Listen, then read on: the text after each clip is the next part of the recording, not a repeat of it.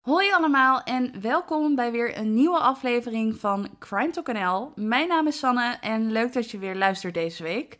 Ehm, zoals altijd, ik hoop dat alles goed gaat met jullie, met mij wel. En ik wilde eigenlijk even beginnen met het terugkomen op de aflevering van vorige week en mijn langzamer praten experiment. Want ik had eigenlijk verwacht dat veel mensen zouden zeggen: Oh, fijn, eindelijk, je praat een keertje langzaam. Maar dat was dus niet het geval. Er waren wel een paar mensen die aangaven dat ze prettiger luisteren vonden. Uh, maar dat was niet een ja, hele grote groep. Um, maar alsnog, ik wil er wel wat mee gaan doen. Dus ik ga gewoon een soort van balans zoeken, vinden. En dan komt het helemaal goed. Maar ik dacht, ik koppel het heel even terug. Dan weten jullie ook wat jullie te wachten staat. En dan nu de zaak van deze week. En dit verliep allemaal een beetje typisch. Ik was namelijk van de week druk bezig met uh, informatie opzoeken over een bepaalde zaak. Ik had al wat dingen opgeschreven. Ik zat er gewoon helemaal in, omdat ik het deze week over die zaak ging hebben. Maar toen kreeg ik van mijn vader een nieuwsbericht toegestuurd over het meisje van Teteringen. Ik kende de zaak niet, dus ik ging een beetje googlen en erover lezen. Tegelijkertijd kreeg ik allemaal Instagram berichtjes met de vraag of ik het deze week wilde hebben over het meisje van Teteringen. Dus ja, toen ging ik een beetje twijfelen. Want ik was natuurlijk al vrij ver met die andere zaak. Maar tegelijkertijd, dit is heel actueel. Dit is nu in het nieuws. Het is een vrij onbekende zaak. Dus ja, toen dacht ik, nou, ik ga toch maar switchen. Die andere zaak ga ik ook zeker een andere keer doen. Um, maar deze week ga ik het dus hebben over het meisje van Teteringen. En het verhaal van het meisje van Teteringen begint op eerste kerstdag 1990. Voor de duidelijkheid, dat is dus 25 december. En uh, het speelt zich af in de plaats Teteringen. En voor de mensen die net zoals ik niet heel goed zijn in topografie, dat ligt dichtbij Breda. En uh, op die eerste kerstdag is er een moeder met een zoon die nog even snel de hond uitlaten voordat ze aan het kerstdiner gaan. En ze lopen langs de Galgenstraat. En de Galgenstraat is een straatweggetje dat grenst aan het natuurgebied de Kadettenkamp. Dus dat is een bosrijk gebied. En terwijl ze daar lopen, zien ze aan de rand van de Galgenstraat een deken liggen. Nou, dat is vrij opvallend. Ze vinden het ook raar, want ja, wie dumpt daar random een deken? Um, dus nou ja, ze vinden dat raar, maar ze laten het erbij en gaan dan naar huis om het kerstdiner te nuttigen. Maar even later zijn er andere wandelaars en die zien de deken ook liggen en die besluiten wel te gaan kijken. En ze doen dan een gruwelijke ontdekking, want in de deken blijkt een meisje te liggen. En haar lichaam was dus verpakt in een deken, in een bruine deken. En over haar hoofd lag een rode doek. En ze is dus gevonden op tweede kerstdag, op 25 december. Maar er bestaat ook een mogelijkheid dat ze misschien op 23 december daar al lag. Dus dat staat niet helemaal vast. Maar het is in ieder geval tussen 23 en 25 december geweest dat ze daar is gedumpt. En dat is natuurlijk vreselijk. Ze lag daar dus alleen in, in deken gerold, vreselijk. Maar dan zou je in ieder geval denken dat er wel iemand naar haar op zoek was. Of dat iemand een melding had gedaan van vermissing van een persoon. Dat mensen haar überhaupt misten. Maar nee, er komt helemaal niemand naar voren die zich meldt voor het meisje. Daarnaast heeft de politie dus ook geen enkel idee of geen enkele aanwijzing over wie het meisje is. En dus krijgt ze de naam het meisje van Teteringen. En de politie doet dan onderzoek, want ja, ze moeten toch iets te weten komen. En ze komen er dan achter dat ze vermoedelijk tussen de 15 en 25 jaar was. Eigenlijk een kind of een jonge vrouw. Ze was 1,63 meter lang en had maat 36 qua schoenmaat. En verder droeg ze een rode kooltrui in de maat large en een rood fluwelen broek in de maat 3. Ik heb geen idee wat voor maat dat is, maar goed, het is dus maat 3. En het merk van die broek was Carine. En daar kom ik later nog even op terug. Waarschijnlijk is ze van Noord-Afrikaanse afkomst. En ik zeg waarschijnlijk omdat dat eigenlijk niet vaststaat. Er zijn namelijk ook een hoop mensen die ervan overtuigd zijn dat ze afkomstig is uit de Antillen. Of bijvoorbeeld van Suriname. En er is een paar jaar geleden ook een digitale schets van haar gemaakt. En die zal ik ook even op Instagram plaatsen. Maar als ik daar naar kijk, ja, ik heb echt geen flauw idee, als leek tenminste. Als iemand tegen mij zou zeggen, nou, ze is van Noord-Afrikaanse afkomst, zou ik het gelijk geloven. Maar als iemand heel overtuigend zou zeggen, nou, ik geloof echt dat ze van de Antillen komt, dan geloof ik dat ook. Voor mij als leek is het in ieder geval lastig om te oordelen, omdat het voor mij ja, beide wel zou kunnen. En er is ook een foto van haar ja, overleden hoofd ehm, op internet. En deze ga ik niet op Instagram plaatsen, want ik kan me voorstellen dat niet iedereen daar tegen kan. Maar die foto staat dus wel ja, vrij veel op internet. Dus mocht je de foto willen zien, google het even. En nou ja, hij verschijnt gelijk. Maar daarop kun je wel goed zien hoe ze eruit heeft moeten zien. En dat zal ik ook even beschrijven. Ze heeft zwart, heel kort haar. Dat schijnt helemaal kort geknipt te zijn. Dus het is niet zo dat ze ja, dat waarschijnlijk uit vrije wil heeft gedaan. Maar dat is echt heel kort, grof afgeknipt. Um, ze heeft zwarte, donkere wenkbrauwen, volle lippen. En over haar hele gezicht zijn wondjes te zien. En die zijn van uitgedrukte sigaretten. En die uitgedrukte sigaretten op haar hoofd zeggen eigenlijk al een hele hoop. Want het blijkt ook dat ze gruwelijk is gemarteld voordat ze is overleden. En uiteindelijk is ze niet aan haar verwondingen overleden van het martelen, maar door uithongering. Ze was ontzettend mager en uiteindelijk is ze dus overleden omdat ze helemaal uitgehongerd was. Daarnaast kan ik me ook voorstellen dat de combinatie van marteling en uithongering ook geen goed doet voor je lichaam. Maar het is in ieder geval zeker dat ze echt een gruwelijk einde heeft gehad. Verder, de onderzoekers die haar lichaam onderzoeken, uh, vermoeden dat ze in de weken voor haar dood vastgehouden is geweest. En niet alleen vastgehouden, maar ook vastgebonden. Ze had namelijk snijwonden aan haar polsen en enkels waardoor er vermoed wordt dat ze aan een stoel zat vastgebonden. Nou, super gruwelijk allemaal. Vast staat in ieder geval dat ze echt geen leuk leven heeft gehad, of in ieder geval geen leuk einde van haar leven. Um, want nogmaals, er is helemaal niks over haar bekend. Er is niemand die haar zoekt. Dus er is ook helemaal niks bekend van haar verleden. En dat maakt het natuurlijk ook wel heel erg lastig om de zaak te onderzoeken, om aanwijzingen te kunnen vinden. Maar ik had het net over de broek die ze aan had. De rode fluwelen broek van het merk Carine. En dat merk van de broek, Carine, was alleen te koop in België. En dat is eigenlijk het eerste aanknopingspunt dat de politie naar België leidt. En ja, ik zeg dus hun eerste aanknopingspunt omdat er dus nog geen is. En dat is namelijk dat op 25 december, dus die eerste kerstdag dat het meisje van Teteringen werd gevonden, werd er namelijk op een parkeerplaats een witte Peugeot 305 gevonden met een Belgisch kenteken. En dat tankstation lag op 700 meter van de Galgenstraat. En dat was dus waar het meisje van Teteringen is gevonden. En een getuige zegt dat hij heeft gezien dat er twee of drie mannen van Marokkaanse afkomst uit Antwerpen de auto daar hadden neergezet, hadden achtergelaten nadat ze autopech hadden. Daarnaast had hij ook nog eens gezien dat deze mannen daarna een lift hadden gekregen naar Antwerpen. En dan is het weer even tijd voor een hersenspinsel. Want ik vind dit toch wel opmerkelijk. Hoe wist deze getuige dat deze mannen A. van Marokkaanse afkomst waren? Dat ze B. uit Antwerpen kwamen en weer naar Antwerpen gingen? En C. dat ze autopech hadden? Ik weet niet hoor, maar misschien heeft hij deze man ook echt gesproken. Ik ben ook beperkt tot de informatie die op internet staat. Daar staat dit niet vermeld. En misschien heeft de politie dit ook wel onderzocht en heeft deze man dus met die Marokkaanse mannen gesproken dat hij dit weet. Dat weet ik dus niet. Maar goed, ik vond het toch wel zo opvallend dat ik het even wilde noemen. In ieder geval, dit was een aanknopingspunt voor de politie en hier richtten ze zich ook heel erg op. Er werd onderzoek gedaan naar de kentekens van de twee auto's en die kentekens, die Belgische kentekens, leidden de politie uiteindelijk naar Marokkaanse families in Antwerpen. Tegelijkertijd was dit het enige waartoe dit leidde, want het bracht geen nieuwe aanwijzingen op, geen nieuwe sporen en dit liep uiteindelijk dood. En hoewel de politie druk bezig was met het onderzoek, um, werd het meisje van Teteringen ook begraven. In een anoniem graf weliswaar. En op haar grafsteen staat: Doordat we je gedenken, krijg jij het eeuwige leven. En verder was de begrafenis vrij basic, om het zo maar even te noemen. Er was geen ceremonie, er was geen toespraak, er was geen muziek. Wel waren er een aantal mensen aanwezig, waaronder de burgemeester, iemand van de politie en een pastoor. Maar dat was het dan ook, zeg maar. En in de tijd daarna komt de politie eigenlijk niet heel veel verder in het onderzoek. Ze boeken geen voortgang. En uiteindelijk is dan ook, en we maken dan even een sprongetje in de tijd, in 2006 besloten om het graf van het meisje van Teteringen open te maken en haar op te graven. En dit deden ze eigenlijk voornamelijk voor haar DNA.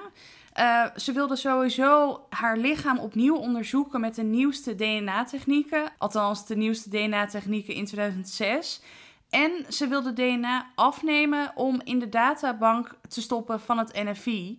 Zodat ze konden kijken of ze misschien een match was met iemand. Maar goed, uh, je voelt het misschien al een beetje aankomen. Die match, die was er niet. Daarentegen hebben ze wel wat gehad aan het DNA-onderzoek.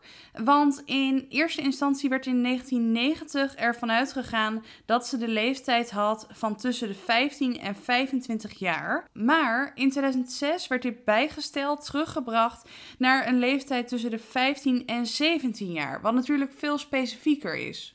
En daarnaast bevestigt het ook nog eens we hebben het dus echt over een kind. Over een minderjarig meisje die op een gruwelijke manier om het leven is gekomen. Ja, echt heel bizar. En eigenlijk is dat ook het enige dat uit het DNA-onderzoek naar voren is gekomen.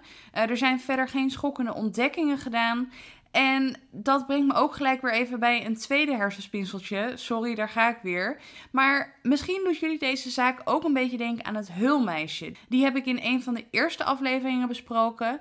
En bij haar werd er gebruik gemaakt van isotopenonderzoek. En even ter herinnering, isotopenonderzoek is dus onderzoek waarbij ze door middel van DNA meer informatie krijgen over iemands geografische achtergrond. En ik vraag me dus af of er ook isotopenonderzoek is gedaan bij het meisje van Teteringen. Ik kan er dus niks over terugvinden. Misschien was het nog helemaal niet zo gangbaar in 2006. Maar als ze dat wel zouden hebben gedaan of hebben gedaan, dan zouden ze misschien wel wat meer kunnen zeggen over haar herkomst. Of ze inderdaad uit Noord-Afrika kwam of van de Antillen. Maar ook wat ze heeft gegeten in de tijd voor haar dood. Want daar kun je natuurlijk ook hoop uit opmaken. Ik kon hier dus niks over vinden. Ik weet dus niet of dit wel of niet is gedaan. Maar ik moest er wel heel erg aan denken. En sowieso in dit hele verhaal denk ik af en toe ook nog wel eens aan het hulmeisje. Want het lijkt er natuurlijk wel een beetje op. Uiteindelijk leidt haar opgraving niet tot heel veel nieuwe feiten. Sterker nog, het wordt vrij stil in het onderzoek en rondom het meisje van Teteringen in het algemeen. Uh, de politie heeft wel gezegd dat ze in de jaren na de vondst van het meisje uh, wel eens mensen hebben aangehouden, hebben verhoord. Maar dit is nooit genoeg geweest om iemand te vervolgen of te veroordelen.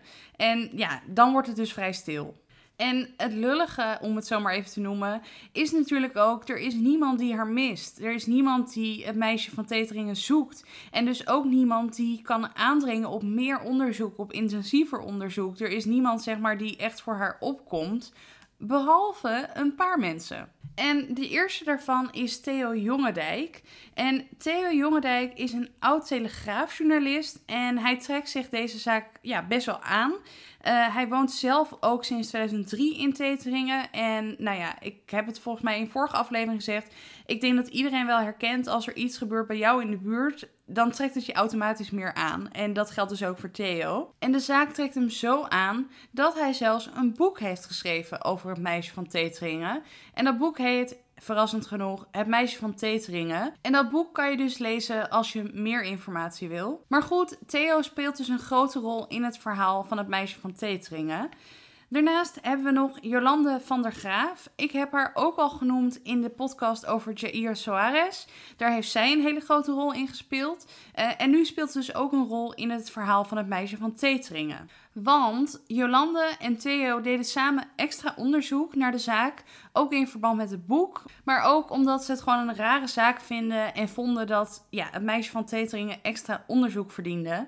En voor dat onderzoek kregen ze ook nog extra hulp van oud-rechercheur Dick Gooseweer. Als ik zijn naam goed uitspreek. Samen hebben ze in ieder geval best wel, ja, wat mij betreft, indrukwekkend werk verricht. En ik wil eigenlijk eventjes hierbij beginnen met een theorie of een constatering van Jolande. Want haar viel namelijk op dat de zaak van het meisje van Teteringen best wel wat gelijkenissen had met een Duitse onopgeloste tienermoord. Want op 31 juli 2001 spoelde er in Duitsland het lichaam aan van een onbekend meisje. En het opvallende is dat het Duitse meisje ongeveer dezelfde verwondingen heeft als het meisje van Teteringen. Daarnaast was het Duitse meisje ook gemarteld, ook uitgehongerd en had ze ook uitgedrukte sigarettenwonden. En net als bij het meisje van Teteringen heeft nooit iemand zich voor haar gemeld. Maar dat is nog niet alles, want ook qua uiterlijk lijken de meisjes best wel op elkaar. Ze waren allebei rond de 1,60 meter.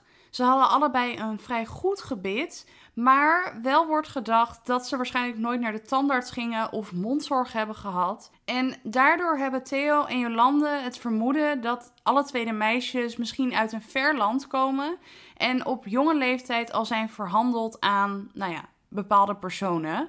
Ehm, een andere mogelijkheid is ook nog dat allebei de meisjes uit een hele nare thuissituatie komen, daar zijn opgegroeid en dat misschien hun familie hun wat heeft aangedaan. En dat zou tegelijkertijd dan ook een verklaring kunnen zijn waarom er geen familie is die zich meldt of die zoekt naar de meisjes. Want als jij als familie iemand wat aandoet, dan wil je misschien überhaupt niet dat de hele zaak onderzocht wordt, omdat het dan misschien tot de familie leidt die dan schuldig is. Maar goed, dat zou dus een theorie of een verklaring kunnen zijn.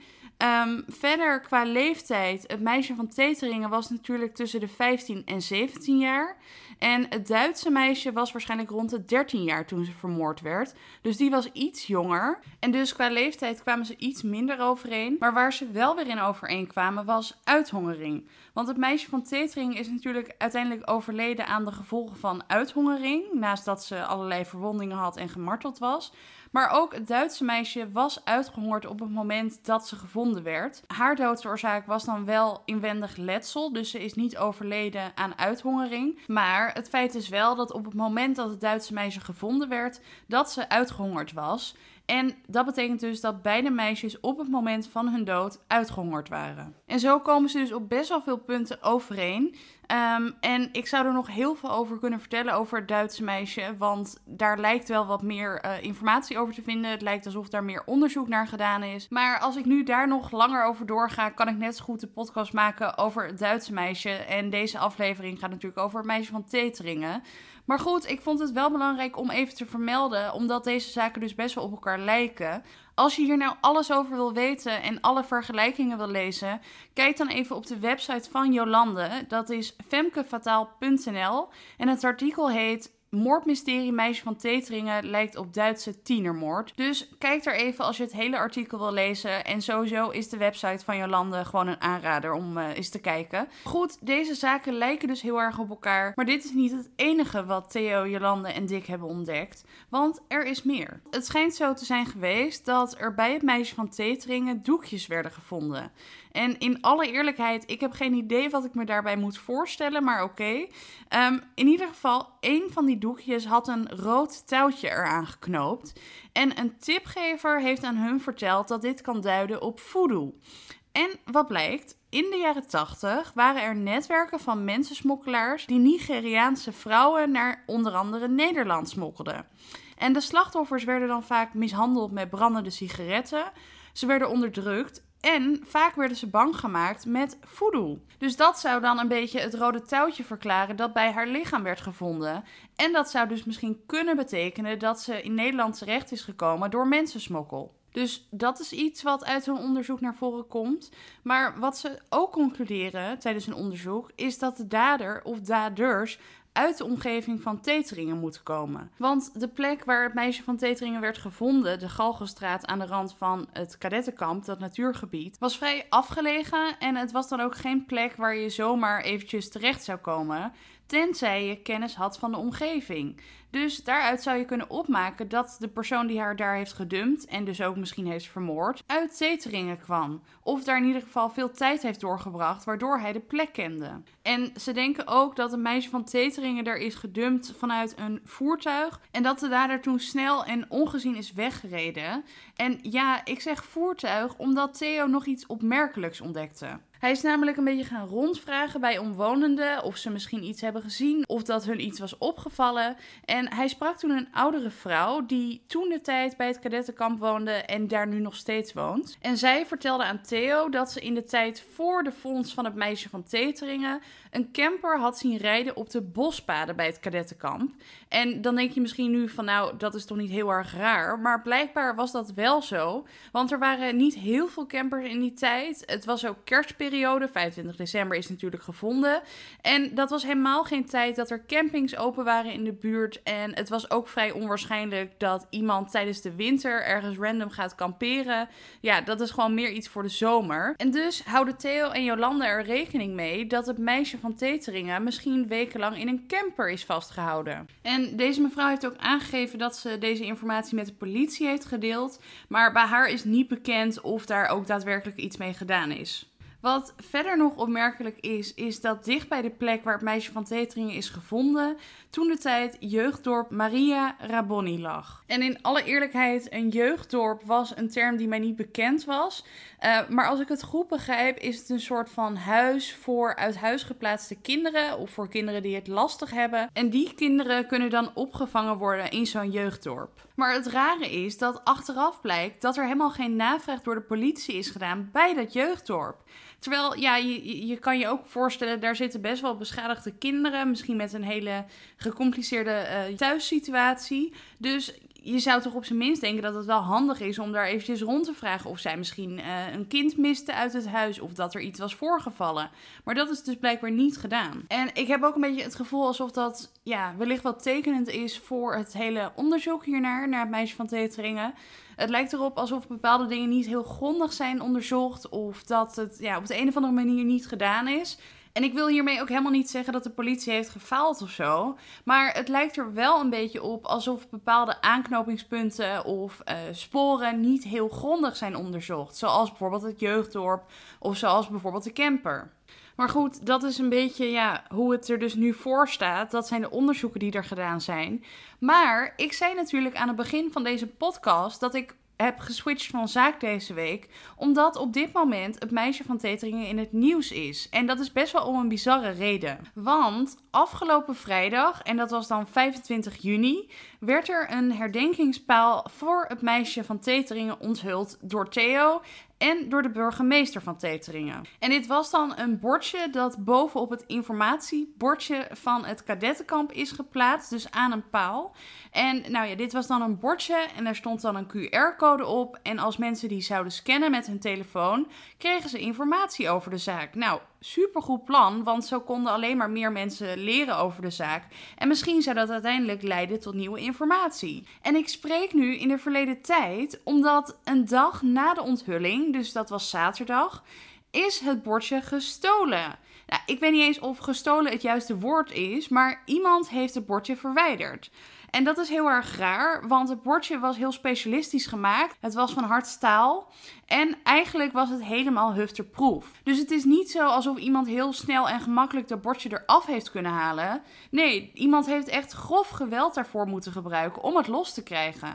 En het is natuurlijk super raar dat iemand dat doet. Dan moet je echt een zieke geest hebben. Of, wat sommige mensen denken, een dader zijn. Er zijn mensen die denken van nou, misschien is de dader er wel heen gegaan omdat hij niet meer aandacht op de zaak wilde vestigen. Of om een andere reden dat hij niet wilde dat dat bordje er hing.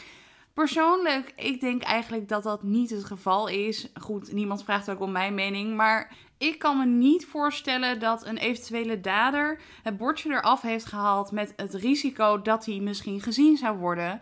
En dan al helemaal niet na zo'n korte tijd, dus binnen die 24 uur. Ja, ik, ik denk dus persoonlijk van niet. Maar goed, je weet het niet. Er zijn heel veel rare, bizarre mensen. En dat blijkt maar weer sowieso. Want wie doet dit? Dan heb je echt een zieke geest. Ik vind het in ieder geval, en zeker als je alles bij elkaar optelt, een heel raar verhaal. Um, het doet me ook echt wel denken aan het verhaal van het hulmeisje. En net als bij het hulmeisje vind ik het zo ontzettend schrijnend dat er geen persoon is die op zoek is naar het meisje van Teteringen. Dat er geen familie is die zich meldt. Dat het lijkt alsof niemand ooit van haar heeft gehouden. Ja, ik kan er niet over uit. En gelukkig zijn er wel mensen zoals Theo, Jolande en Dick die zich inzetten voor haar lot. Theo heeft trouwens ook met wat andere mensen een lied over haar geschreven. Het heet Het Meisje van Teteringen en je kan het eventueel luisteren op YouTube. Maar het is en blijft gewoon gruwelijk wat haar is overkomen. Het is een gruwelijk schrijnend verhaal.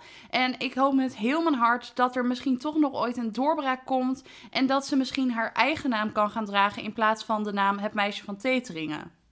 En dat was dan eigenlijk ook wel een beetje het verhaal van het meisje van Teteringen. Um, ik vond het heel veel informatie om te verwerken. Uh, ik hoop dat het een beetje duidelijk is.